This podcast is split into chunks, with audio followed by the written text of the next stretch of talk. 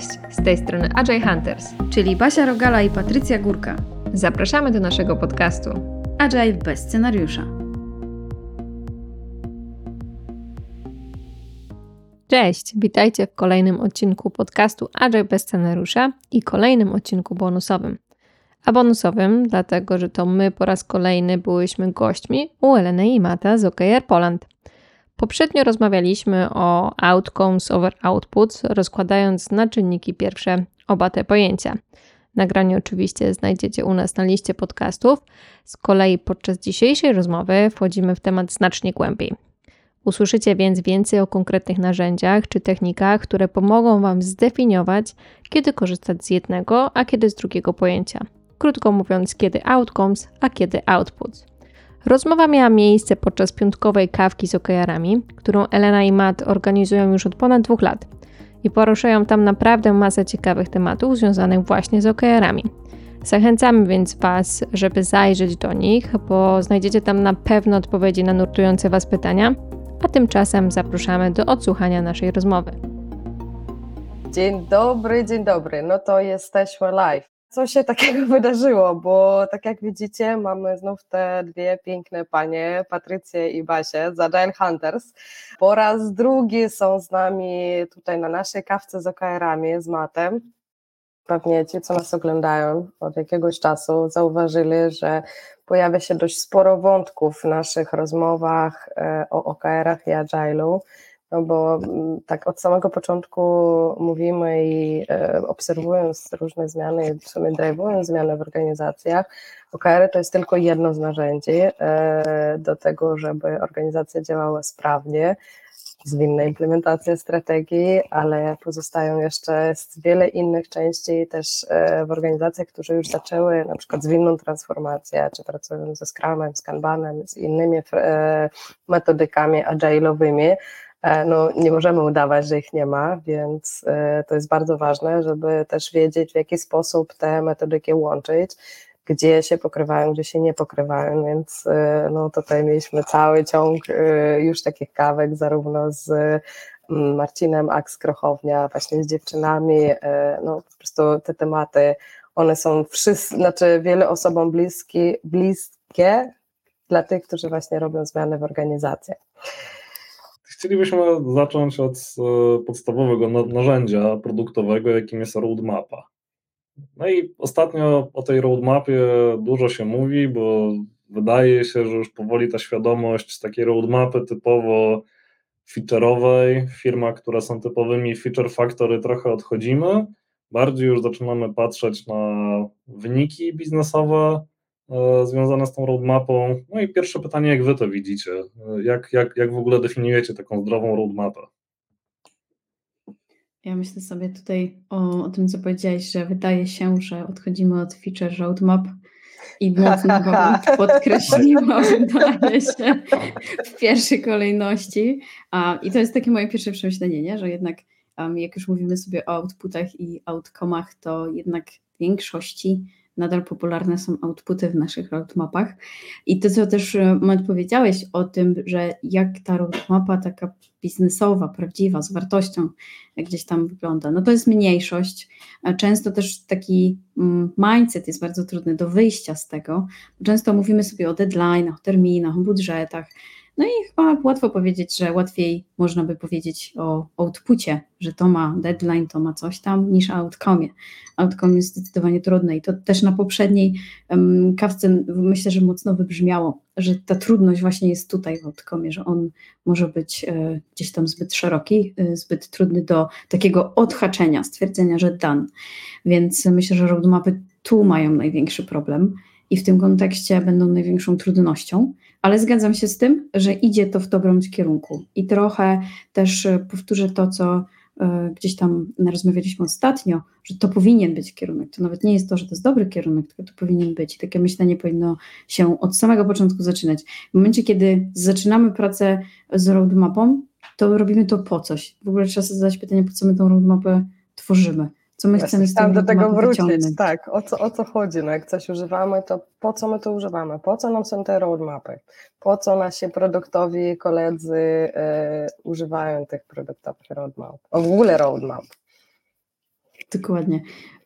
I myślę, że taka podstawowa odpowiedź jest po to, żeby dostarczyć też value, tak? Dostarczyć tą wartość, ale nie tylko, żeby ją dostarczyć, bo sama roadmapa tego nie dostarczy, ale żeby zobaczyć, kiedy my to zrobimy, w jakiej kolejności. To ma być narzędzie, które ma nam też pomóc to poukładać, zwizualizować, no bo tak naprawdę można by funkcjonować bez roadmapy. Mam na myśli bez samego narzędzia, bez takiego po prostu, nie wiem, jakiegoś Miro, jakiejś Jiry z wykresem Ganta i tak dalej. Można by sobie to odpuścić. Jeśli bylibyśmy na takim poziomie świadomości, że bylibyśmy w stanie to inaczej robić, ok. Natomiast to jest narzędzie. To nie jest cel sam w sobie, żeby mieć roadmapę. No niestety tak często w organizacjach bywa, że jak jest roadmapa, to już jest ok. Ale to nie jest ok. Bo za roadmapą musi iść praca z roadmapą, z roadmapą musi być zrozumienie, co tam jest. Poza tym, jak dla mnie, y, ja lubię porównywać roadmapę do, do estymacji. To jest nadal prognoza pewnego rodzaju. To nie jest coś wyryte w kamieniu, to nie jest coś, co już się nigdy nie zmieni. To jest żywy artefakt, który powinien żyć razem z nami. I jeśli zmienia nam się cel biznesowy, jeśli coś przestaje być sensowne do wykonania, jakieś e, biznesowe, mm, nie wiem, punkt na tej roadmapie przestaje być e, istotny w kontekście jakiegoś większego celu, jaki ma nasza organizacja, bo to też trzeba powiedzieć, że cel organizacyjny pewnie będzie mocno jakby narzucał to, co w tej roadmapie będzie się znajdowało, no to dlaczego by tego nie wyrzucić? Tak? Dlaczego by tego nie zmienić? I łatwiej myślę sobie z mojej perspektywy w ten sposób spojrzeć na takie zdanie, które kiedyś przeczytałam w książce o Netflixie, że sfokusuj się na problemie, a nie na rozwiązaniu. Bo w roadmapie często my umieszczamy rozwiązania. To jak dojdziemy do tego rozwiązania. A jak umieścimy tam wartość, to rozwiązania będą mogły się mieszać, zmieniać i tak dalej. Ale jeśli cel się nie będzie zmieniał, będziemy mieć tą strategię przed oczami, zdecydowanie łatwiej nam to pracę. Okay. Jeszcze, tak, jeszcze tak e, nawiążę do jednego wątku, co Basia mówiła, bo tak w sumie, no bo mówimy, ok, idziemy w kierunku outcome, że tak trochę was w, krok w tył, e, zanim zaczniemy pogłębiać, kroka, e, trochę wezmę was wszystkich e, krok w tył, no bo mówimy, ok, roadmapy w większości są feature'owe, czyli tak naprawdę wrzucamy tam rozwiązania i Mark powiedział, że idziemy w kierunku outcome'owych, a ja tak sobie się zastanawiam, no ale ta potrzeba skąd się bierze, tak, że jak z jednej strony mówimy, ok, że to jest kierunek, ale yy, może inaczej, jakie macie obserwacje, dlaczego dlaczego tak się dzieje, że oprócz tego, że po prostu w organizacjach myślimy najczęściej rozwiązaniami, to jaką potrzebę realizujemy mm, za pomocą takiej roadmapy, która zawiera e, rozwiązania? Bo czy to, czy to źle, czy po prostu wrzucamy tam jakąś, e, jakieś rozwiązanie na jakąś potrzebę? No bo to tak, tak sobie się zastanawiam, wiecie, głośno, okej, okay, no są roadmapy feature'owe, ale czy to źle? Znaczy, to nie zawsze jest źle, jeżeli pod tymi feature'owymi roadmapami też jest drugi medal tego wszystkiego, czyli gdzieś z tyłu jest druga roadmapa, która kieruje wartościami, gdzie jest, gdzie jest strategia i wtedy do tej strategii do, do, dostosowujemy tą naszą feature'ową roadmapę, więc tutaj nie uważam, że faktycznie fajnie jest, jeżeli ten outcome się pojawia w tej naszej roadmapie i to on drive'uje te wszystkie nasze działania, ale no z tymi outputowymi roadmapami jest o tyle inaczej, że po prostu z pozoru jest to łatwiej zmierzyć, tak? Z pozoru łatwiej jest stwierdzić, ok, ten cel mamy dan. Tak trochę jak nawiązując do key resultów, tak? Mamy kluczowe rezultaty i łatwiej jest stwierdzić, że je osiągnęliśmy, pojedyncze kluczowe rezultaty, niż cały objective na przykład, tak? Więc y, nie zawsze te roadmapy y, outputowe są złe, o ile oczywiście gdzieś za tym wszystkim stoi wizja, stoją wartości, czyli jakby jest połączenie trochę, nie, że mamy odseparowane jedno, jedno od drugiego, tylko właśnie, że to idzie w parze. Dzięki. Okej, okay, czyli, no, czyli tutaj pojawia się konieczność utrzymywania obu roadmap jednocześnie, jeszcze dbania o to, żeby były zsynchronizowane. E, I kto jest odpowiedzialny e, za tworzenie jednej i drugiej roadmapy? Jakby kto tworzy e, i kto decyduje? Ja bym odpowiedziała tutaj dwojako. W pierwszej części niekoniecznie to będzie kilka roadmap, bo to może być jedna roadmapa z różnymi poziomami. I myślę, że to jest takie łatwiejsze podejście, o tak bym powiedziała, bo wtedy można powiedzieć, że właściciel będzie jeden, bo jest jedna roadmapa, jeden właściciel, trochę jak z produktem w Scrumie, nie? Jeden product owner, jeden produkt.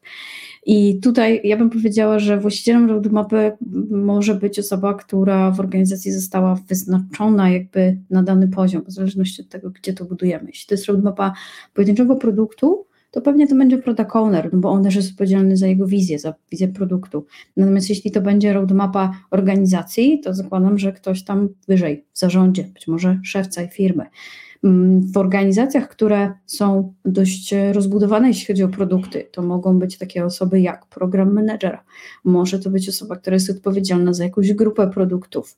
I tutaj rozróżniłabym też odpowiedzialność za taką kontrybucję do tej roadmapy. Bo odpowiedzialność to jest też pewnego rodzaju nadanie kierunku, moim zdaniem, w przypadku akurat e, wizji czy czy właśnie popatrzenia przez pryzmat e, outcome'u. I w tym momencie, kiedy będziemy patrzeć na to w taki sposób i myśleć o kontrybutorach, czyli o innych osobach, które mają coś do powiedzenia, innych osobach, które mają kontakt z użytkownikiem, są w stanie zweryfikować, czy nasze wartości, którymi się kierujemy, czy te outcome'y, do których chcemy dążyć, nadal są aktualne, to tutaj oczywiście odpowiedzialność jest um, w cudzysłowie rozproszona, mówię w cudzysłowie, dlatego że właściciel będzie zawsze.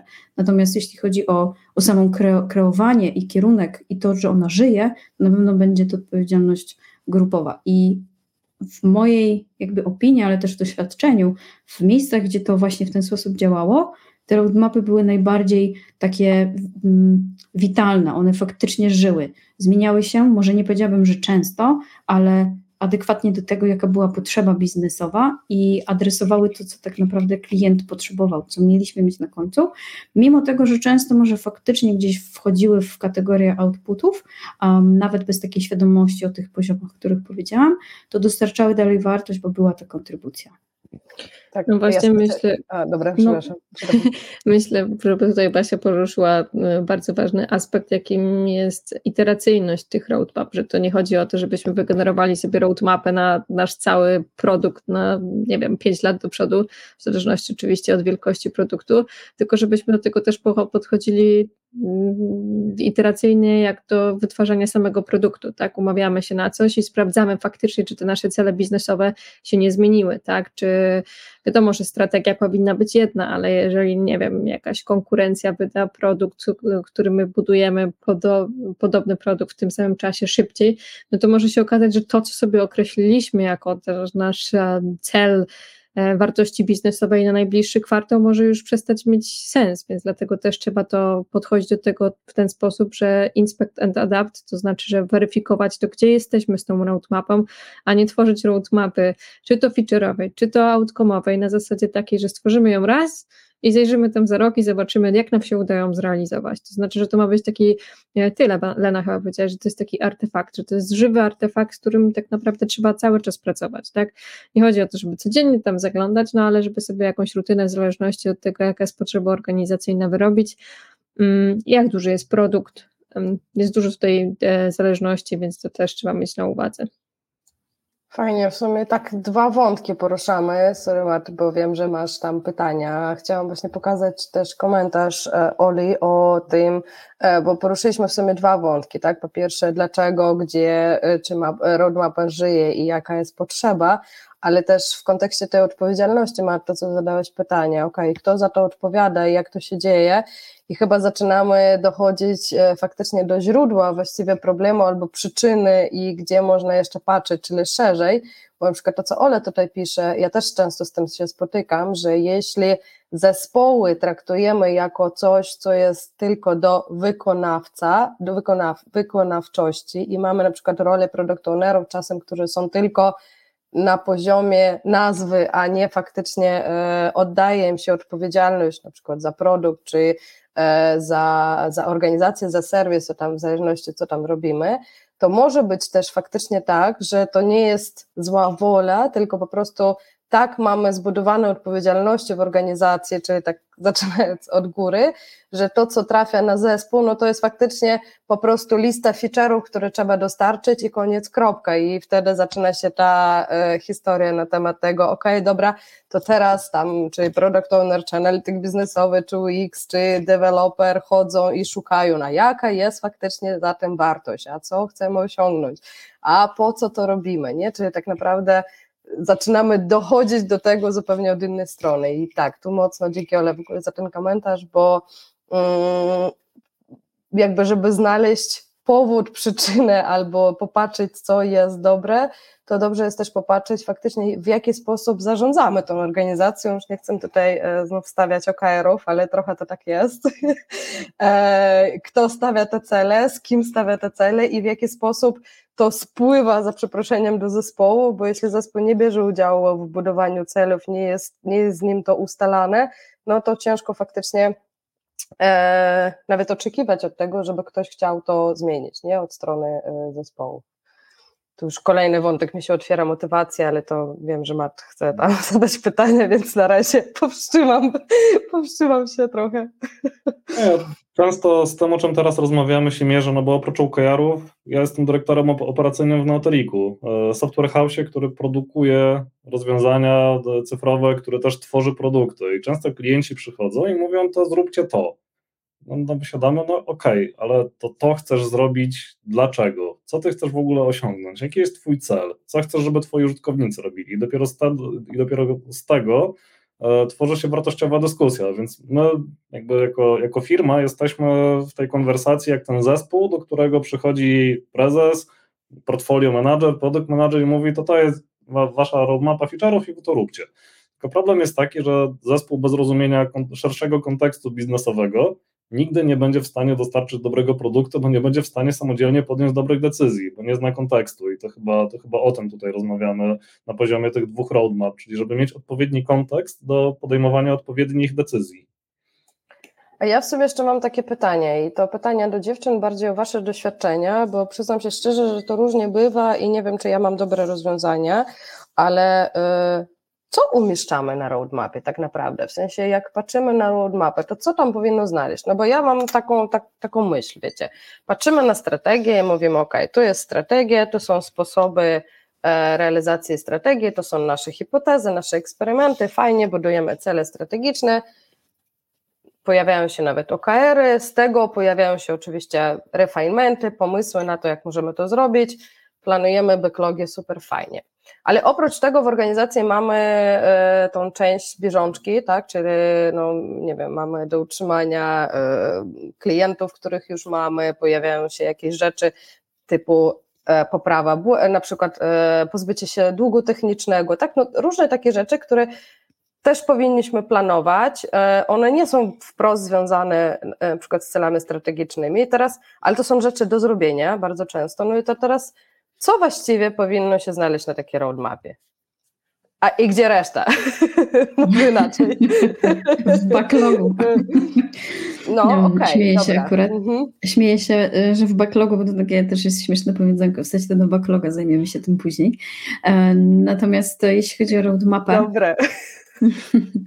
jeśli chodzi o roadmapę, to wszystko zależy też od tego, znaczy inaczej, roadmapa jest bardzo szerokim pojęciem i nie można by powiedzieć, że e, tak jak mm, tu znów nawiążę trochę do Scruma, jak Scrum ma swojego Scrum Guide'a i tam jest napisane, co to jest Scrum, kropka. Nie ma takiego guide'a do roadmap.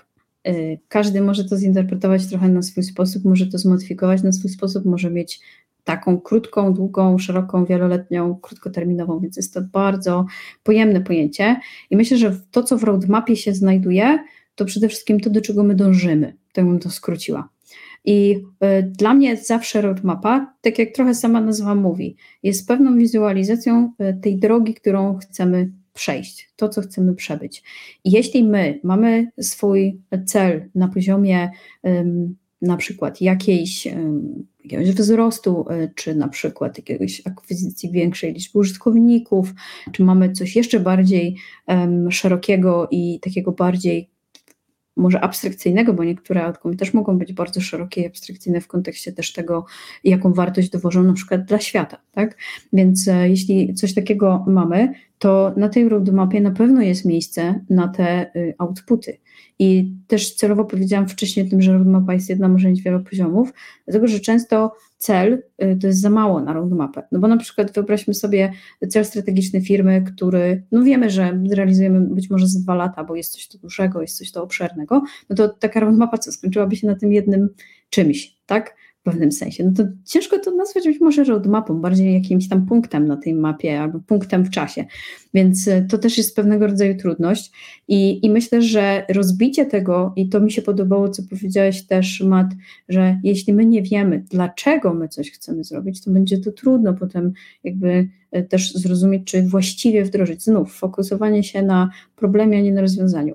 Ja lubię robić tak, że jeśli mamy punkty na roadmapie, dajmy na to, jest jeden większy cel, który rozbijamy na mniejsze i są to kolejne um, powiedziałabym, takie podcele, bo zawsze taki cel też da się w kolejne cele e, gdzieś tam, jeżeli on jest odpowiednio duży, rozłożyć, ale też wtedy możemy się zastanowić, jaką wartość przynosi nam ten pojedynczy kawałek, czyli dajmy na to rozwijamy cel na pięć mniejszych celów. jaką wartość dostarcza nam każdy z tych poszczególnych celów. Takie zastosowanie się, dlaczego my w ogóle chcemy to zrobić, jak to nas przybliża do celu i potem dopiero schodzenie niżej pozwoli nam właśnie wyłuskać to, co na tej roadmapie ma być tak? Czyli te kolejne etapy, e, outcome, które chcemy dostarczyć, to jest jedno, a myślę drugie, to jak to zrobimy. I nawiązując do kijarów, obiektywy key moim zdaniem na roadmapie spokojnie mogą się znaleźć. No, no właśnie, właśnie. to, to chciałam trochę, tak, ale to, to jest chciałam ten... trochę odbić piłeczkę na zasadzie, a czy stosowaliście roadmapy, które zawierają obiektywy key ale wiecie co, ja tak trochę specjalnie rzucam te kamyczki, bo e, no, czytałam co najmniej pięć artykułów w różnych językach, że pod tytułem Jak mamy OKR-y, to roadmapa nie jest potrzebna. Nie? Albo jak jest roadmapa, to po co nam OKR-y? No i jakby i, i, i tak dalej, i tak dalej. I tak naprawdę e, w sensie jak mamy takie ekstremum, czy tam powiedzmy takie stwierdzenia, no to ja zazwyczaj zaczynam się zastanawiać, ok, jaki jest kontekst organizacji, tak? Co, po co, gdzie, znów do pytania, a do czego używamy roadmapy, dla kogo ona jest, kto jest za nią odpowiedzialny, co tam faktycznie umieszczamy, tak samo z OKR-ami, ok, po co nam są te OKR-y, yy, czy w OKR-ach przypadkiem też nie ma outputów, tak, o tym kiedyś rozmawialiśmy, że yy, no nie wiem, jak ktoś mi mówi, że ok, ale my w OKR-ach mamy rzeczy do zrobienia, to po co nam OKR-y? No ja się z tym zgadzam, po co wam OKR-y, jeśli macie tam projekty do zrobienia, absolutnie nie ma potrzeby dublowania dla mnie rzeczy w różnych po prostu narzędziach, tylko dla samego dublowania, tylko żeby powiedzieć, że mamy to i to. E, no właśnie, czyli takie podsumowanie, ma ty zawsze robisz takie podsumowanie, czy jeszcze trochę e, grzebiemy w roadmapach, bo jeszcze mamy kilka nie, narzędzi. Myślę, że możemy iść dalej, więc śmiało. Uh mhm. -huh.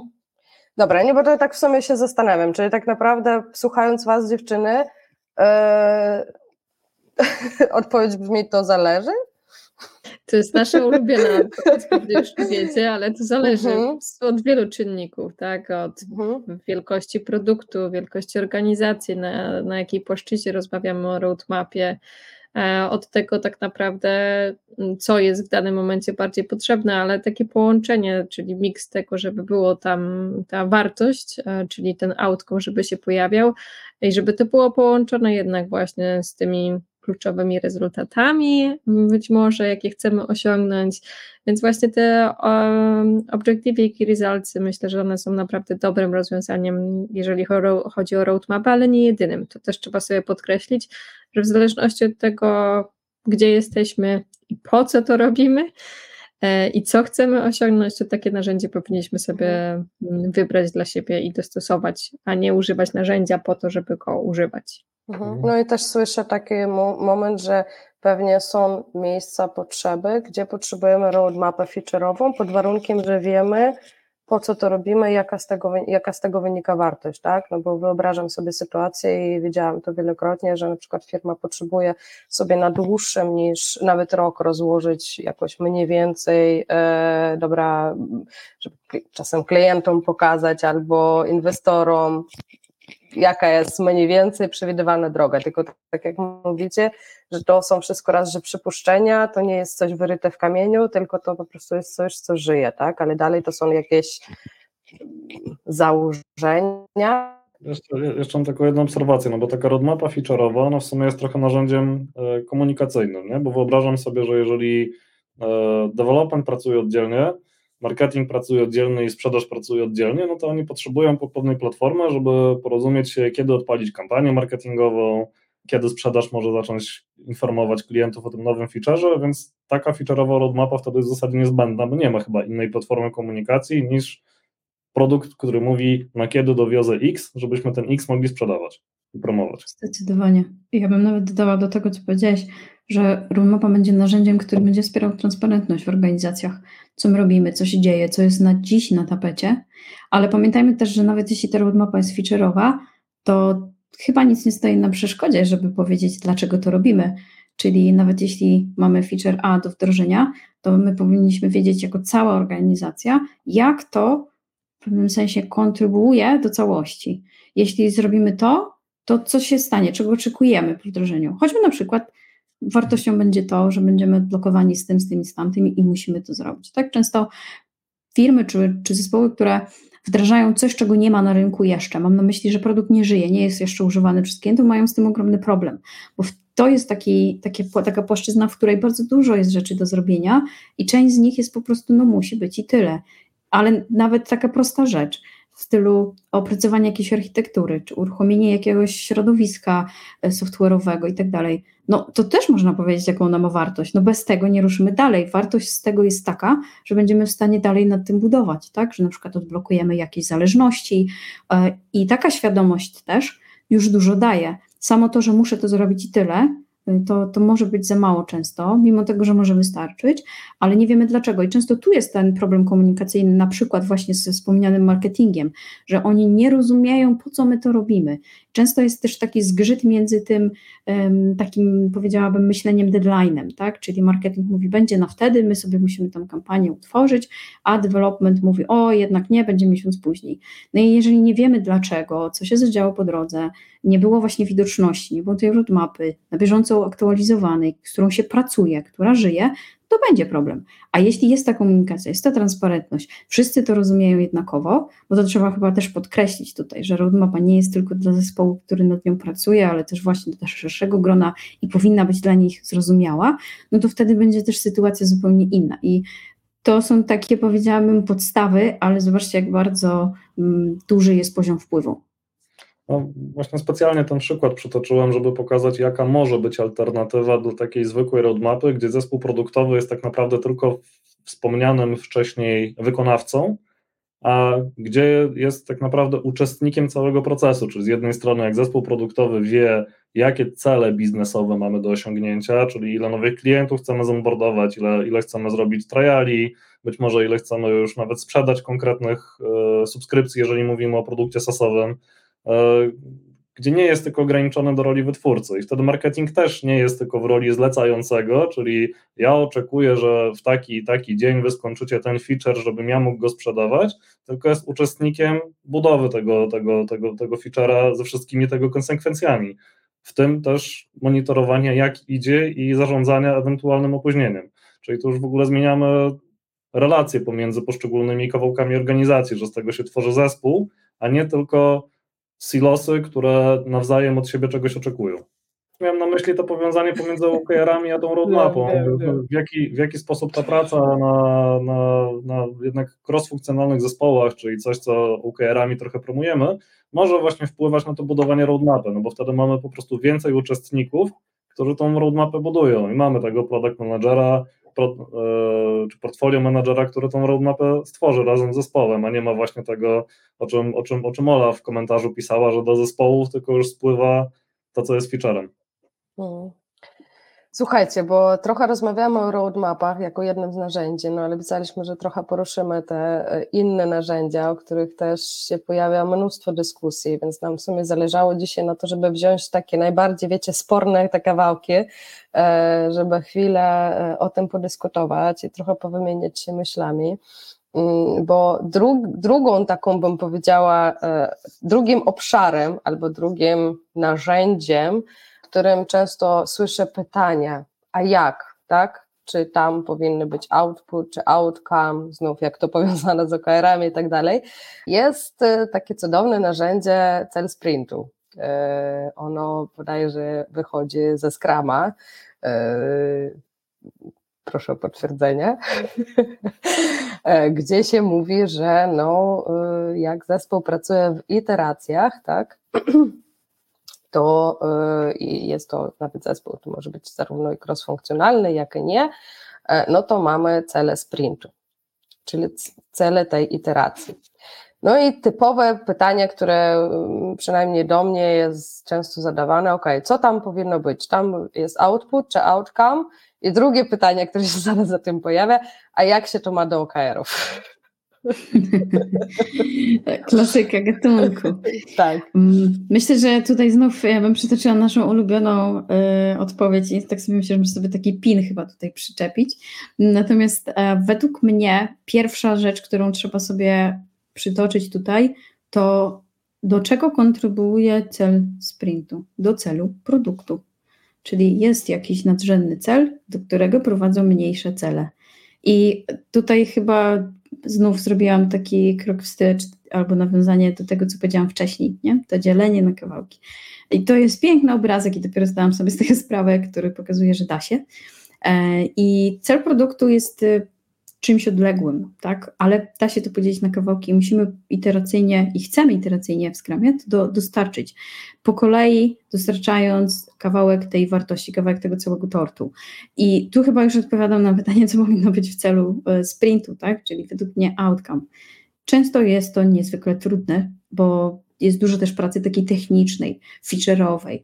Jeśli mamy zbyt krótkie iteracje, to będzie ogromnie trudne, żeby wyznaczyć tą wartość. Dlatego też mówi się często o tym, że długość sprintu powinna być nieuzależniona od wielkości zadań, od czasu, jaki ma zespół i tak ale od tego, w jakim, e, w jakim okresie dany zespół jest w stanie dostarczyć kawałek wartości. Więc samo przez się uzyskujemy już odpowiedź. Jeśli ja jestem w stanie dostarczyć wartość w tydzień, to mogę mieć tygodniowe sprinty. Tak, zdarzyło mi się pracować w takim zespole. Najczęściej gdzieś tam z naszej praktyki wychodzą te sprinty dwutygodniowe, bo jest to taki optymalny kawałeczek, ale są też sprinty miesięczne i naprawdę nic nie stoi na przeszkodzie, żeby to robić. Oczywiście im dłuższy e, sprint, może być trudniej e, gdzieś się w nim odnaleźć, natomiast ta wartość to jest coś, co powinniśmy się skupiać. I znów fokus na rozwiązaniu, będzie tutaj niewłaściwy, dlatego że jeśli my w celu sprintu damy sobie outcome, to tym, co nas do tego outcome'u będzie prowadziło, jest nasz backlog. I co w tym momencie można powiedzieć? No cóż, okijary się tutaj pojawiają. Nie można powiedzieć, że taka struktura mniej więcej będzie.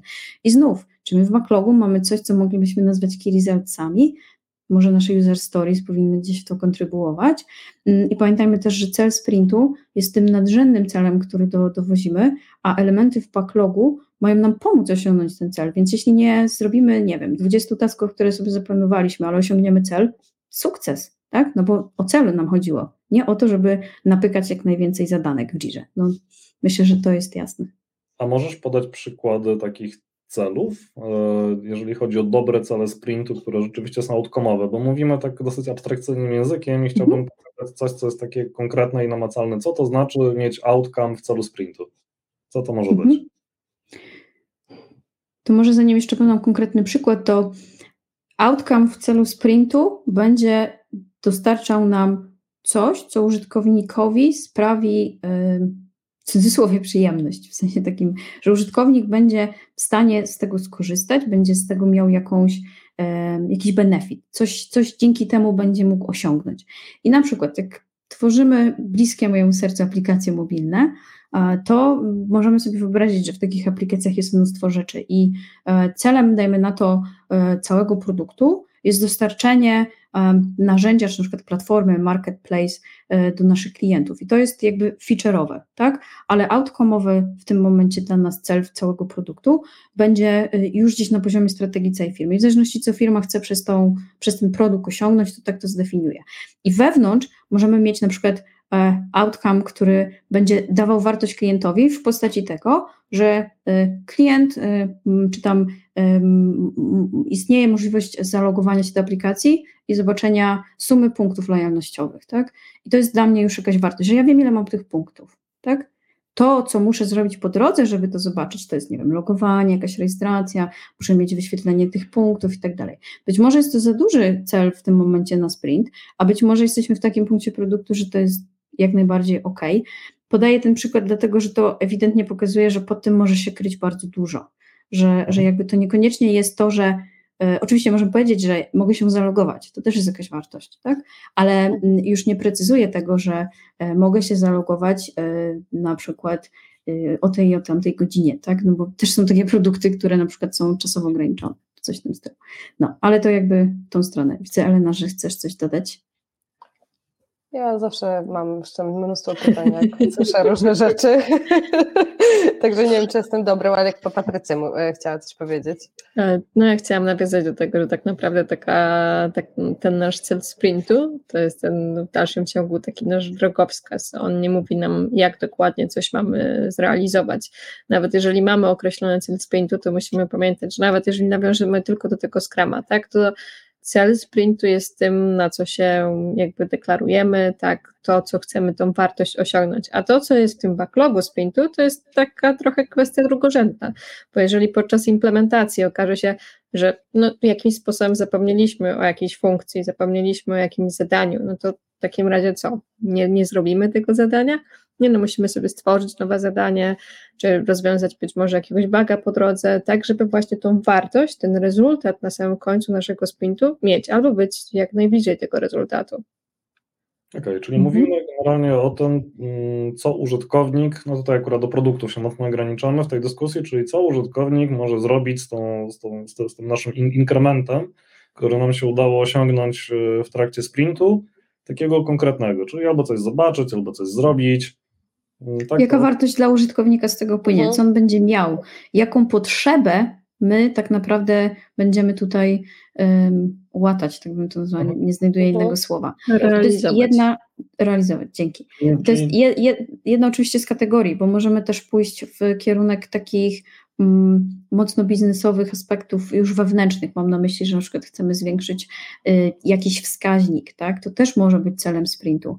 Y, I niejednokrotnie może być tak, bo też bardzo istotne jest to, że często mówimy o tym, że e, po sprincie mamy inkrement. Ok, ale pamiętajmy, że też możemy na przykład robić wydanie produktu na produkcję e, w trakcie sprintu i możemy już w trakcie sprintu zrobić weryfikację tego, co, stworzyliśmy, tak? Więc jakby zobaczcie, jak bardzo można tutaj pójść daleko w trakcie jednej iteracji z już nawet weryfikacją tego celu i na koniec powiedzieć, tak, osiągnęliśmy ten wzrost, który chcieliśmy. To nie muszą być jakieś wielgachne sumy czy wzrosty liczb, ale coś, co, co możemy zrobić w tym, w tym odcinku, może być już nawet zweryfikowane.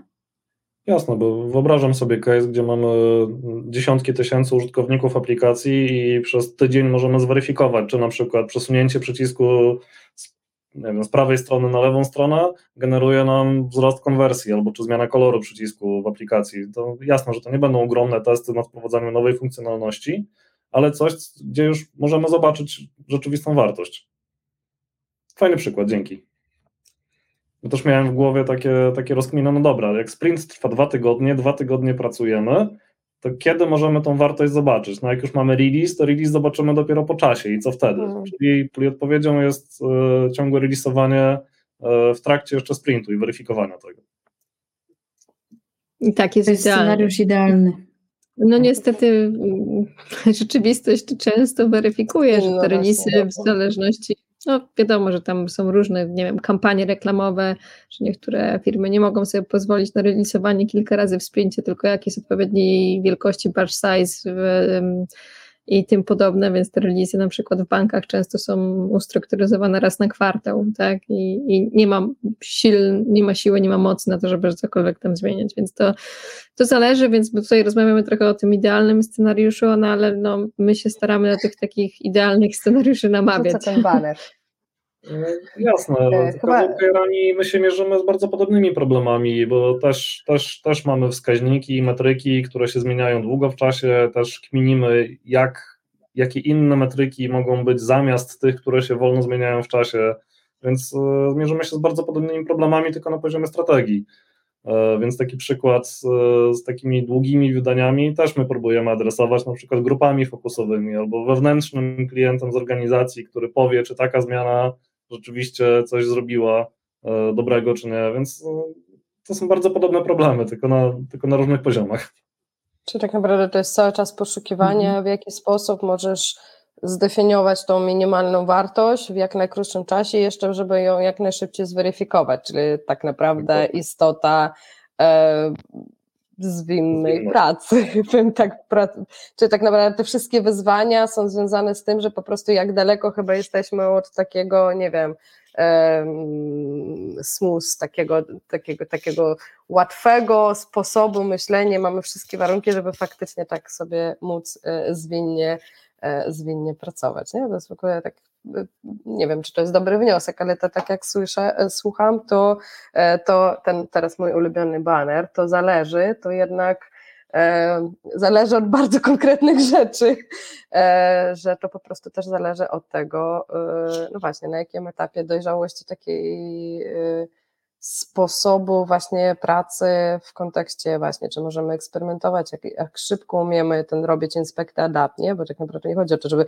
wyinspektować, czy jest zrobione, tylko wyinspektować, czyli zweryfikować, czy ta wartość przyniosła ten, ten rezultat, który założyliśmy, nie? Którą zrobiliśmy, więc to jest takie e, ciekawe wnioski, więc tak jak słucham, bo poruszyliśmy w sumie dwa, dwa narzędzia, można to tak powiedzieć, tam artefakty, które tworzymy, tak, czyli roadmapy i cele sprintu. Tak jak słyszę, to te wnioski są troszkę podobne, ale cały czas odwołujemy się do tego, po co to robimy, dlaczego ktoś to robi, ktoś to definiuje i jak jesteśmy zorganizowani, więc y, to ta, na, nawiązując trochę do tym- naszej porannej rozmowy, że kontekst jest bardzo ważny. Nie? Nad tym wszystkim stroi strategia produktu, strategia organizacji i to się wszystko pokrywa, tak? Jakby tutaj rozmawiamy o tym, dlaczego, bo po, Mhm. po, pogłębieniem roadmapy mogą być te, być te cele sprintów, tak? Tutaj jest większa granularność, ale chodzi o to tak naprawdę, po co ten produkt budujemy, jaka jest wartość tego produktu nadrzędna i na tej podstawie później już skupiając się na tym, budujemy poszczególne elementy. I kwestią drugorzędną jest to tak naprawdę właśnie e, jak one będą wyglądać, czy będą ujęte w, w obiektywy i resultsy, czy będą, nie wiem, czy za pomocą jakiejś impact mapy budowane, czy innych narzędzi, bo narzędzi jest cała masa, a e, dostosowanie ich do naszych potrzeb jest ważne, ale najważniejsza jest ta wartość produktu. Mhm.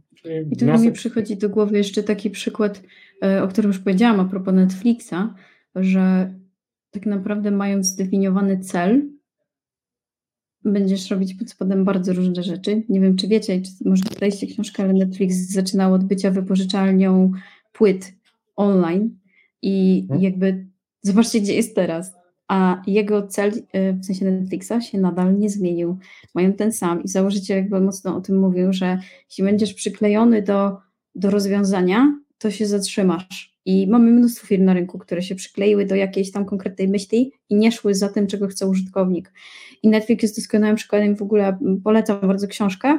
Um, to we mnie na przykład bardzo to rezonuje na każdym poziomie, czy to jest organizacja, czy to jest produkt, czy to jest jeden konkretny zespół. Jaki my mamy cel, dlaczego my to robimy, co my chcemy tym osiągnąć i czy my to zrobimy sposobem A, B czy C, to to ma najmniejsze znaczenie, jeśli będziemy mieć um, rezultat. To jest trochę tak jak myśleniem o pierwszym milionie. Chcesz zarobić ten pierwszy milion, niezależnie czy będziesz sprzedawać skarpetki, odkurzacze, czy będziesz prowadzić szkolenia. Milion jest milion, tak? I jakby oczywiście drugie pytanie jest, czy chcesz sprzedawać skarpetki i to jest twój cel życiowy, być może cię to męczy, więc nie wiadomo, czy jest sens, ale to jest jakby drugi poziom. Pierwszy poziom zawsze jest jakby do czego dążysz. To jak do tego dążysz, to jest sprawa, w cudzysłowie bym nawet powiedziała, mało istotna w tym kontekście, zanim to się pierwsze zbuduje. I szczególnie jak się pracuje z zespołami, które pracują na kompleksowych produktach, to nieznajomość tego why, po co my to robimy, co jest naszym celem, no, potrafi spowodować naprawdę duże problemy, a doskonale wiemy, że to nie są tanie rzeczy i może się to skończyć sporą wpadką finansową, jeśli chodzi o firmy.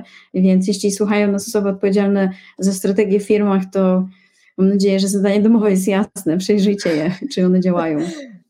E, chciałabym, chciałam Basia powiedzieć, że tak pięknie podsumowałaś i chyba zatoczyłyśmy trochę koło, bo nawiązałaś właściwie do tematu naszej pierwszej kawki, gdzie rozmawialiśmy o tym, jakie są konsekwencje, jeśli nie myślimy o outcome, czyli jeśli tylko i wyłącznie myślimy o outpucie i robimy, robimy, robimy, myślimy rozwiązaniami, bo trochę poruszaliśmy tam ten wątek, no dobra, wszyscy o tym gadają, ale dlaczego to jest tak ważne? I tak e, fajnie podsumowałaś, czy tak jakby zamknęłaś te, e, te dwie rozmowy, że e, nawet jeśli są miejsca, może inaczej, bo są miejsca, gdzie używamy outputów, backlog, for example. No tak, ale output no nikt właśnie, nigdy nie powiedział, że jest niepotrzebny. Dokładnie, że jest, dokładnie, dokładnie o to chodzi, tylko że jakby jakikolwiek output robimy, czy jakiekolwiek zadania robimy i mamy listę tasków do zrobienia, to bez tej wiedzy o tym, jaki jest outcome z tego, to ciężko. I chyba jest to mocno ryzykowne, drogie i ogólnie straszne. Tak, musimy, musimy mieć możliwość osadzenia tych outputów w kontekście. No i te outcome są tak naprawdę kontekstem outputu. Bez kontekstu nie, no. nie wiemy, czy ten output prowadzi nas w dobrą stronę, czy nie fajne y, zamknięcie jeszcze, jak mamy troszkę 5 minut czasu, bo mamy jeszcze oczywiście tam na liście, trochę sobie wypisaliśmy tych narzędzi, które wywołują różne, y, hmm, jakby to powiedzieć, spory, wątpliwości, y, ale być może nasi słuchacze dzisiaj, nasi nie wiem jak to właściwie nazwać, i to, co z nami są dzisiaj na tym kolu. Słuchacze, oglądacze. Oglądacze, tak. Yy, może wy macie jakieś takie wątpliwości albo jakieś są narzędzia, o których ciągle rozmawiacie na przykład, albo że się pojawia wątpliwość, no dobra, output czy outcome? Czy u was y, są takie, y, takie miejsca?